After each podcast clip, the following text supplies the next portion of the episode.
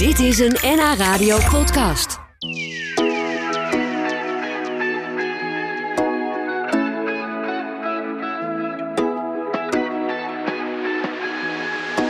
S'avonds na het eten even een ommetje lopen. Of uh, ja, tijdens corona zijn heel veel mensen dat gaan doen. En misschien dat het nu weer een beetje inzakt. Maar niet bij mijn gast. Want dat is Tom Jongbloed van Het Ommetje met Tom. Tom, welkom. Ja, dank. Ben je lopend? Wat zeg je? Of je lopend bent. Ik ben lopend. Ja? Zeker. Wandelen is goed voor je. Dus het is geen ommetje dit. Het is nee, een, het is een geen hele ommetje. weertje. Ja. Uh, we kunnen even een stukje luisteren. Want jij maakt dus wandelingen. En het grappige is, je kunt die wandelingen volgen. Zowel, zowel uh, op Instagram als in een podcast als op YouTube. Dus om kort te zijn, zijn het eigenlijk multimediale wandelingen. Als ik dat goed zeg. Hè? Klopt. Ja. ja. En dat hebben je dochters geïnitieerd? Nou, we zijn benaderd omdat heel veel uh, luisteraars of uh, volgers een wandeling met, uh, met ons willen maken. Maar dat kan helaas niet, want we werken er gewoon bij, fulltime. Mhm. Mm -hmm. Hebben we gedacht, nou, hoe kunnen we ze te, tegemoet komen? En we zijn in contact gekomen met Fanclub Centrum. En daar hebben wij een samenwerking als verhalenverteller. En dat is de podcast die dan wordt, uh, wordt opgenomen. Ja, dan kun je dus uh, kun je jou op je oren zetten terwijl je dezelfde of een andere wandeling maakt. Klopt. Uh, als we dan eventjes luisteren, want het is dus ook op Instagram, dan klinkt het ongeveer zo. Hi, ik ben Josephine en ik ben Willemijn. En ik ben Tom. We gaan vandaag naar het oudste stukje van Amsterdam, uit de middeleeuwen. Langs de mooie, authentieke oude houten ja. molen. Waar het molentje staat. ja. De Trokin was helemaal tot de dam water. Alleen nu niet meer. Ah, ja, cool. En hier staat Sleutelbrug. En Sleutel was de bierbrouwerij van de nonnen die hier gevestigd waren in de middeleeuwen. Ten eerste is dit een heel uniek gebouw, omdat dit huis op drie grachten staat. Leuk ommetje, pap. Leuk toch? Denk heel leuk. Dank jullie wel voor het luisteren. Doei, dank je. Leuk hè? Ja, want zijn ze ook vrolijk. Ze vinden, Ja. Mijn kinderen vinden een ommetje niet leuk hoor. Nou, die van mij wel hoor. ja, precies. Zijn natuurlijk ook leuke ommetjes. Ja. Je vertelde al hoe het een podcast is geworden. Maar hoe is het begonnen om een ommetje met Tom te maken? Nou, het is begonnen eigenlijk in de stille periode in 2020. Toen Mhm. wij in de lockdown kwamen en de stad eh, ja, tot rust kwam. Eh, toen ben ik gaan wandelen met mijn eh, dochter. En toen ben ik iets gaan vertellen over de weetjes van Amsterdam. Ik ben geen historicus, maar ik vertel wel hele leuke weetjes die iedereen wel weet, maar niet ziet. En dat zijn we gaan posten in eerste instantie op het eh, account van mijn dochter. Maar we kregen al meteen honderden reacties. En toen dachten we, nou, dat gaan we doen. Dus we zijn toen gestart met stories en vaste post op Instagram. En zo is het gegroeid. Hoe oud zijn die dochters? De oudste dochter eh, Willemijn is eh, 32. Dan hebben we ook, ook nog een zoon, die zien jullie Ja. niet. Maar die is eh, 31. Eh, en dan is Josephine 28. En waarom loopt die zo niet mee? Ja, omdat hij ten eerste in Den Haag woont. Oh ja, is En, onhandig, ja, ja. dat is ook wat lastiger om mee te lopen. En tienduizenden volgers hè, voor Klopt. Ommetje met Tom. Klopt. En Dat- allemaal heel dankbaar. Want elke keer als ik iemand tegenkom die me volgt... dan zeggen ze altijd, oh Tom en en Willemijn, dank, dank, dank. Want het zijn le- zulke leuke weetjes. Maar dit heb je nooit aan zien komen van tevoren Nee, natuurlijk. nee, dit is nee. niet, we gaan een succesvolle business in ommetjes beginnen. Nee, was ook helemaal niet de bedoeling. Want het enige wat ik wil is dat ik het overdraag, de weetjes, naar de volgende generatie. Dat was de bedoeling. Maar de andere was gewoon meer opnieuw leren kijken. Ja. Iedereen kijkt omlaag, maar je moet juist omhoog kijken.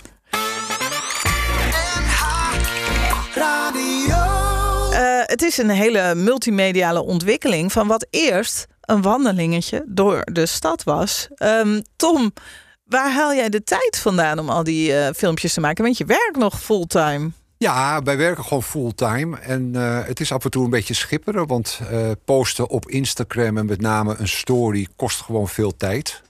Het filmpje wat er dan op staat is meestal anderhalf minuut, twee minuten. Maar dan zijn we wel drie uur aan het wandelen. Echt? Ja, want het is... Oh, Kijk, ik heb de meest makkelijke rol. Ik vertel en ik praat maar door. Alleen Josephine en Willemijn die moeten dan eh, ja, er het live in Instagram in de story eh, eh, posten. En dat is echt wel veel werk. ja. waarom zijn die, die dochters van jou daar zo handig mee? Ja, het zijn dertigers, die zijn er allemaal handig mee. Of rond de dertig, de ene nog niet. Maar eh, ja, die zijn er allemaal handig mee. Maar die, die moeten dus ingevoerd zijn in het hele systeem van die Ja. sociale media voordat jullie hier aan begonnen. Ja, de jongere generatie is daar zo mee opgegroeid en zo handig in. En Ja. Ja, ik merk zelf dat ik het wel kan bijhouden, maar ik, dat lukt ook niet helemaal. Maar daar zijn ze razendsnel in en ze weten daar heel veel van.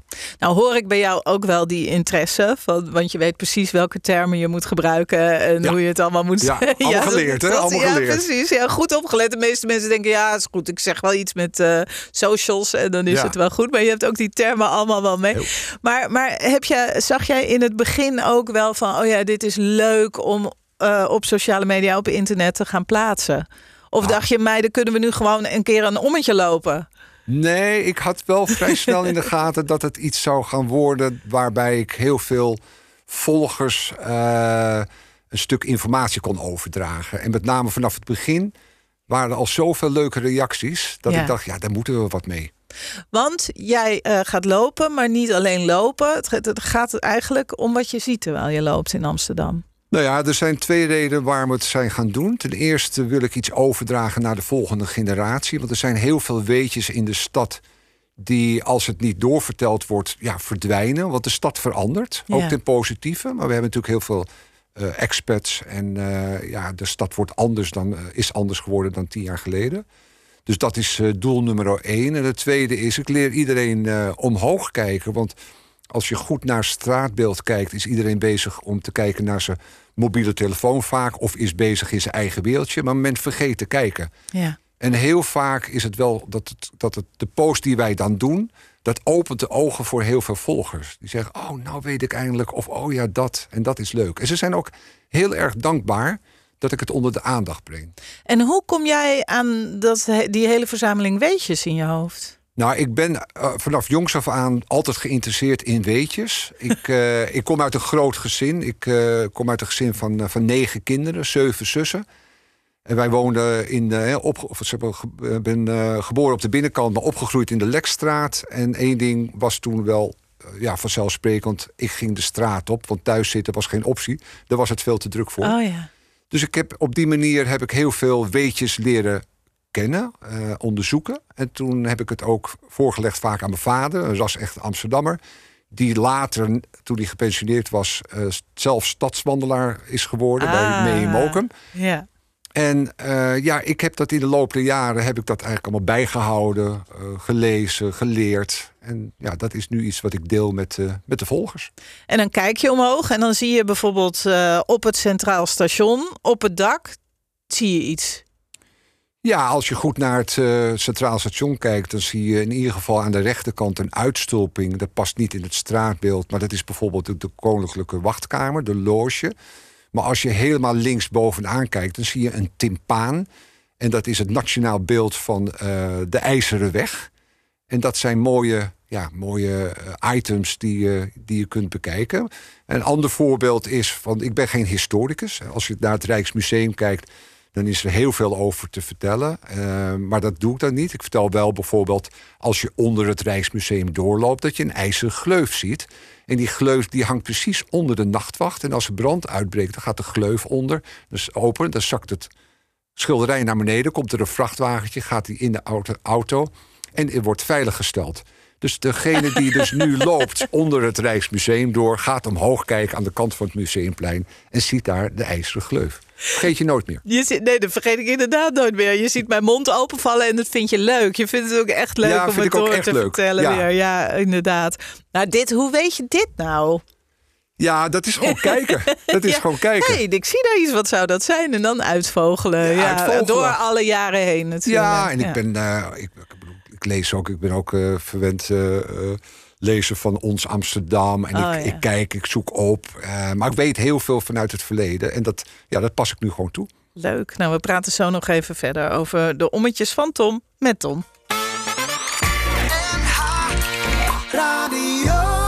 Is dat niet uh, vervelend voor je dochters dat het uh, allemaal om Tom draait nu?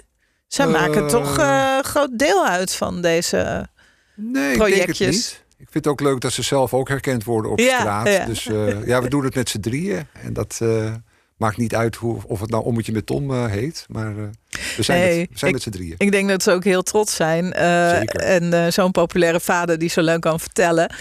En uh, je vertelde net, het is soms, soms uren voordat zo'n klein filmpje helemaal in elkaar zit. Maar hoe lang duurt nou meestal een ommetje? Dus, dus los van het filmen, ehm, hoe, hoe lange wandeling maak je eigenlijk? Nou, de wandeling is misschien wel leuk om te melden, is dat eh, wij gewoon spontaan gaan lopen. Dus we bereiden, ja, tenminste, ik ga het wel iets voorbereiden van, ik, oké, daar en daar, en dat zou ik eventueel kunnen vertellen. Even, sorry, even terug maar voor beeld hoor. Maar wat, wat doen jouw dochters? Want jullie moeten dus maar alle drie een moment ergens vinden waarop jullie kunnen gaan lopen, of twee? Of... Ja, nou, meestal uh, meeten we elkaar van tevoren, doe even een kop koffie. Uh, oh ja. En na afloop natuurlijk vaak een lekker glaasje wijn. En dan gaan we lopen. En dan ga ik vertellen. Ik heb de meest makkelijke baan, uh, omdat ik alleen maar aan het vertellen ben. Ja. En zij zijn letterlijk op straat alles aan het posten met animaties erbij, filmpjes inkorten. Um, en dat is echt heel veel werk. Ja, maar een ommetje zelf? Nou, die loop, wij lopen toch wel uh, ommetje, dat duurt wel twee, drie uur, ja. En dan is het een filmpje is uh, anderhalf minuut, twee minuten. Maar als je zou lopen zonder al het filmen en het posten, dan uh, hoe lang ben je dan onderweg? Want we gaan natuurlijk dat, dat rondje nalopen om het allemaal te bekijken. Nou, de, de, als, de, als, als je de podcast loopt met de oortjes in, is het altijd een wandeling van ongeveer 20, 25 minuten. Oh ja. Uh, maar je mag het en je kan het zo, zo lang mogelijk maken als je zelf wil. Ja, maar ik wil natuurlijk wel al die dingen die jij vertelt, wil ik ook wel zien. Ja, maar dan ben je wel, dan ben je wel heel lang bezig. Ja. Want, ik, want ik heb echt, we hebben echt wel heel veel al gepost. Ja, ja dus het dat, is. Dat, dat, dat, kost je weken, denk ik, ja. als je gaat lopen. Ja. En jullie worden het nooit zat, hè? Iedere keer weer iets leuks. En je bent niet bijna leeg of zo. Je vindt iedere nee, hoor, nee, nee, nee. Iets... Ik zeg altijd maar, ik heb een hele hoge hoed. En daar kan ik nog jarenlang uit putten. Ja. Uh, en we blijven het leuk vinden. En het is ook uniek, zeker voor, voor mezelf, om het gewoon met z'n drieën te doen. Um, en nee, we vinden het hartstikke leuk om te doen. Ja, het is natuurlijk uh, geweldig, uh, ook als uh, vader met dochters. Wat, maar wat doen jouw dochters in het dagelijks leven? Uh, nou, dat is altijd een hele uh, lastige vraag. Nee, Oh. Mijn, mijn, mijn uh, oudste dochter werkt, zit in de digital marketing. Maar als je dan vraagt wat doet ze dan precies, vind ik het altijd heel lastig om het uit te leggen. digitaal marketen. Ja. Ja. en mijn jongste dochter is bij een sieradenbedrijf begonnen. Okay. vintage sieraden. ja, die heeft ook allebei hebben ze de creatieve kant. En dat is ja, fulltime job voor ze. Ja, ja. He, heerlijk om te zien ook hoe je gaat stralen als je het over ze hebt. Maar het is natuurlijk ook een geweldig project om samen te doen. En net wat je zegt, je krijgt er zoveel reacties op. Want Amsterdammers vinden het leuk om te horen en te vertellen over Amsterdam. Dus ik, ik gooi even wat onderwerpen uit de ommetjes eventjes op tafel. Want dan kun je die met ons delen als je wil. Rode wachters, wat zijn rode wachters? Uh, de rode wachters, moet Ja. ik heel even denken. Ik, de, eh, zijn het brandmelders? Oh, de rode wachters. Ja, nee, ik dacht, ik zag opeens een poppetje voor me. Nee. Nee, als kleine jongen liep ik vroeger op straat. En vroeger had je dus geen eh, telefoon. Eh, en als er brand uitbrak, dan rende je naar buiten. Dan liep je naar de straat en stond er een rode wachter met een blauw zwaailicht erop. Dan drukte je het glazen ruitje in. Die tikte je in, dan drukte je op Ja. de knop en dan kwam de brandweer. Oh, En dat is eh, ja, hoe het vroeger ging. Want nu is het allemaal vanzelfsprekend. Het is net hetzelfde als een spionnetje. ja. Een spionnetje is een spiegeltje die je ziet vaak in Amsterdam eh, op 1, 2 of 3 hoog. Ja, die werd gebruikt om te kijken als er iemand voor de deur stond, wie dat was. Want nu ga je de deur openen met een eh, elektrische deuropener. Ja, dan zie je gewoon in je schermpje wie er wie er staat. is. Maar dan keek je even in het spiegeltje. Ja, en dat was vroeger natuurlijk ook. Dan had je geen telefoon. Dus dan moest je met eh, de rode brandwachter moest je de brandweer melden. En dat spiegeltje inderdaad. eh, want als je nu, jij zegt dus altijd kijk even omhoog als je door de stad loopt. Zie je dan nog die spiegeltjes in Ja, Amsterdam? Ja, Echt? ja, ja, ja, je ziet, eh, dat is, ik vertel het en dat is leuk, want dat ligt het vast, hoop ik. maar het verdwijnt wel. De Ja. spiegeltjes zie je, met name ook in de Jordaan. En als een, een, een huiseigenaar dat koestert, dan, dan zie je dat ook. Dan worden ze ook netjes opgeknapt. Oh ja. Ehm, ja, dus dat is gelukkig wel zo. Dat is net als een Amsterdammertje. Die verdwijnt ook heel langzaam uit het beeld. Nee toch, die gaan toch nooit verdwijnen? Ja, die verdwijnen. Want- Oh, die leggen we dan ook nog even vast nu ja, weer, die, hebben we ook al vastgelegd. Ja. Maar dat zijn van die dingen die, eh, die moeten blijven. Ja.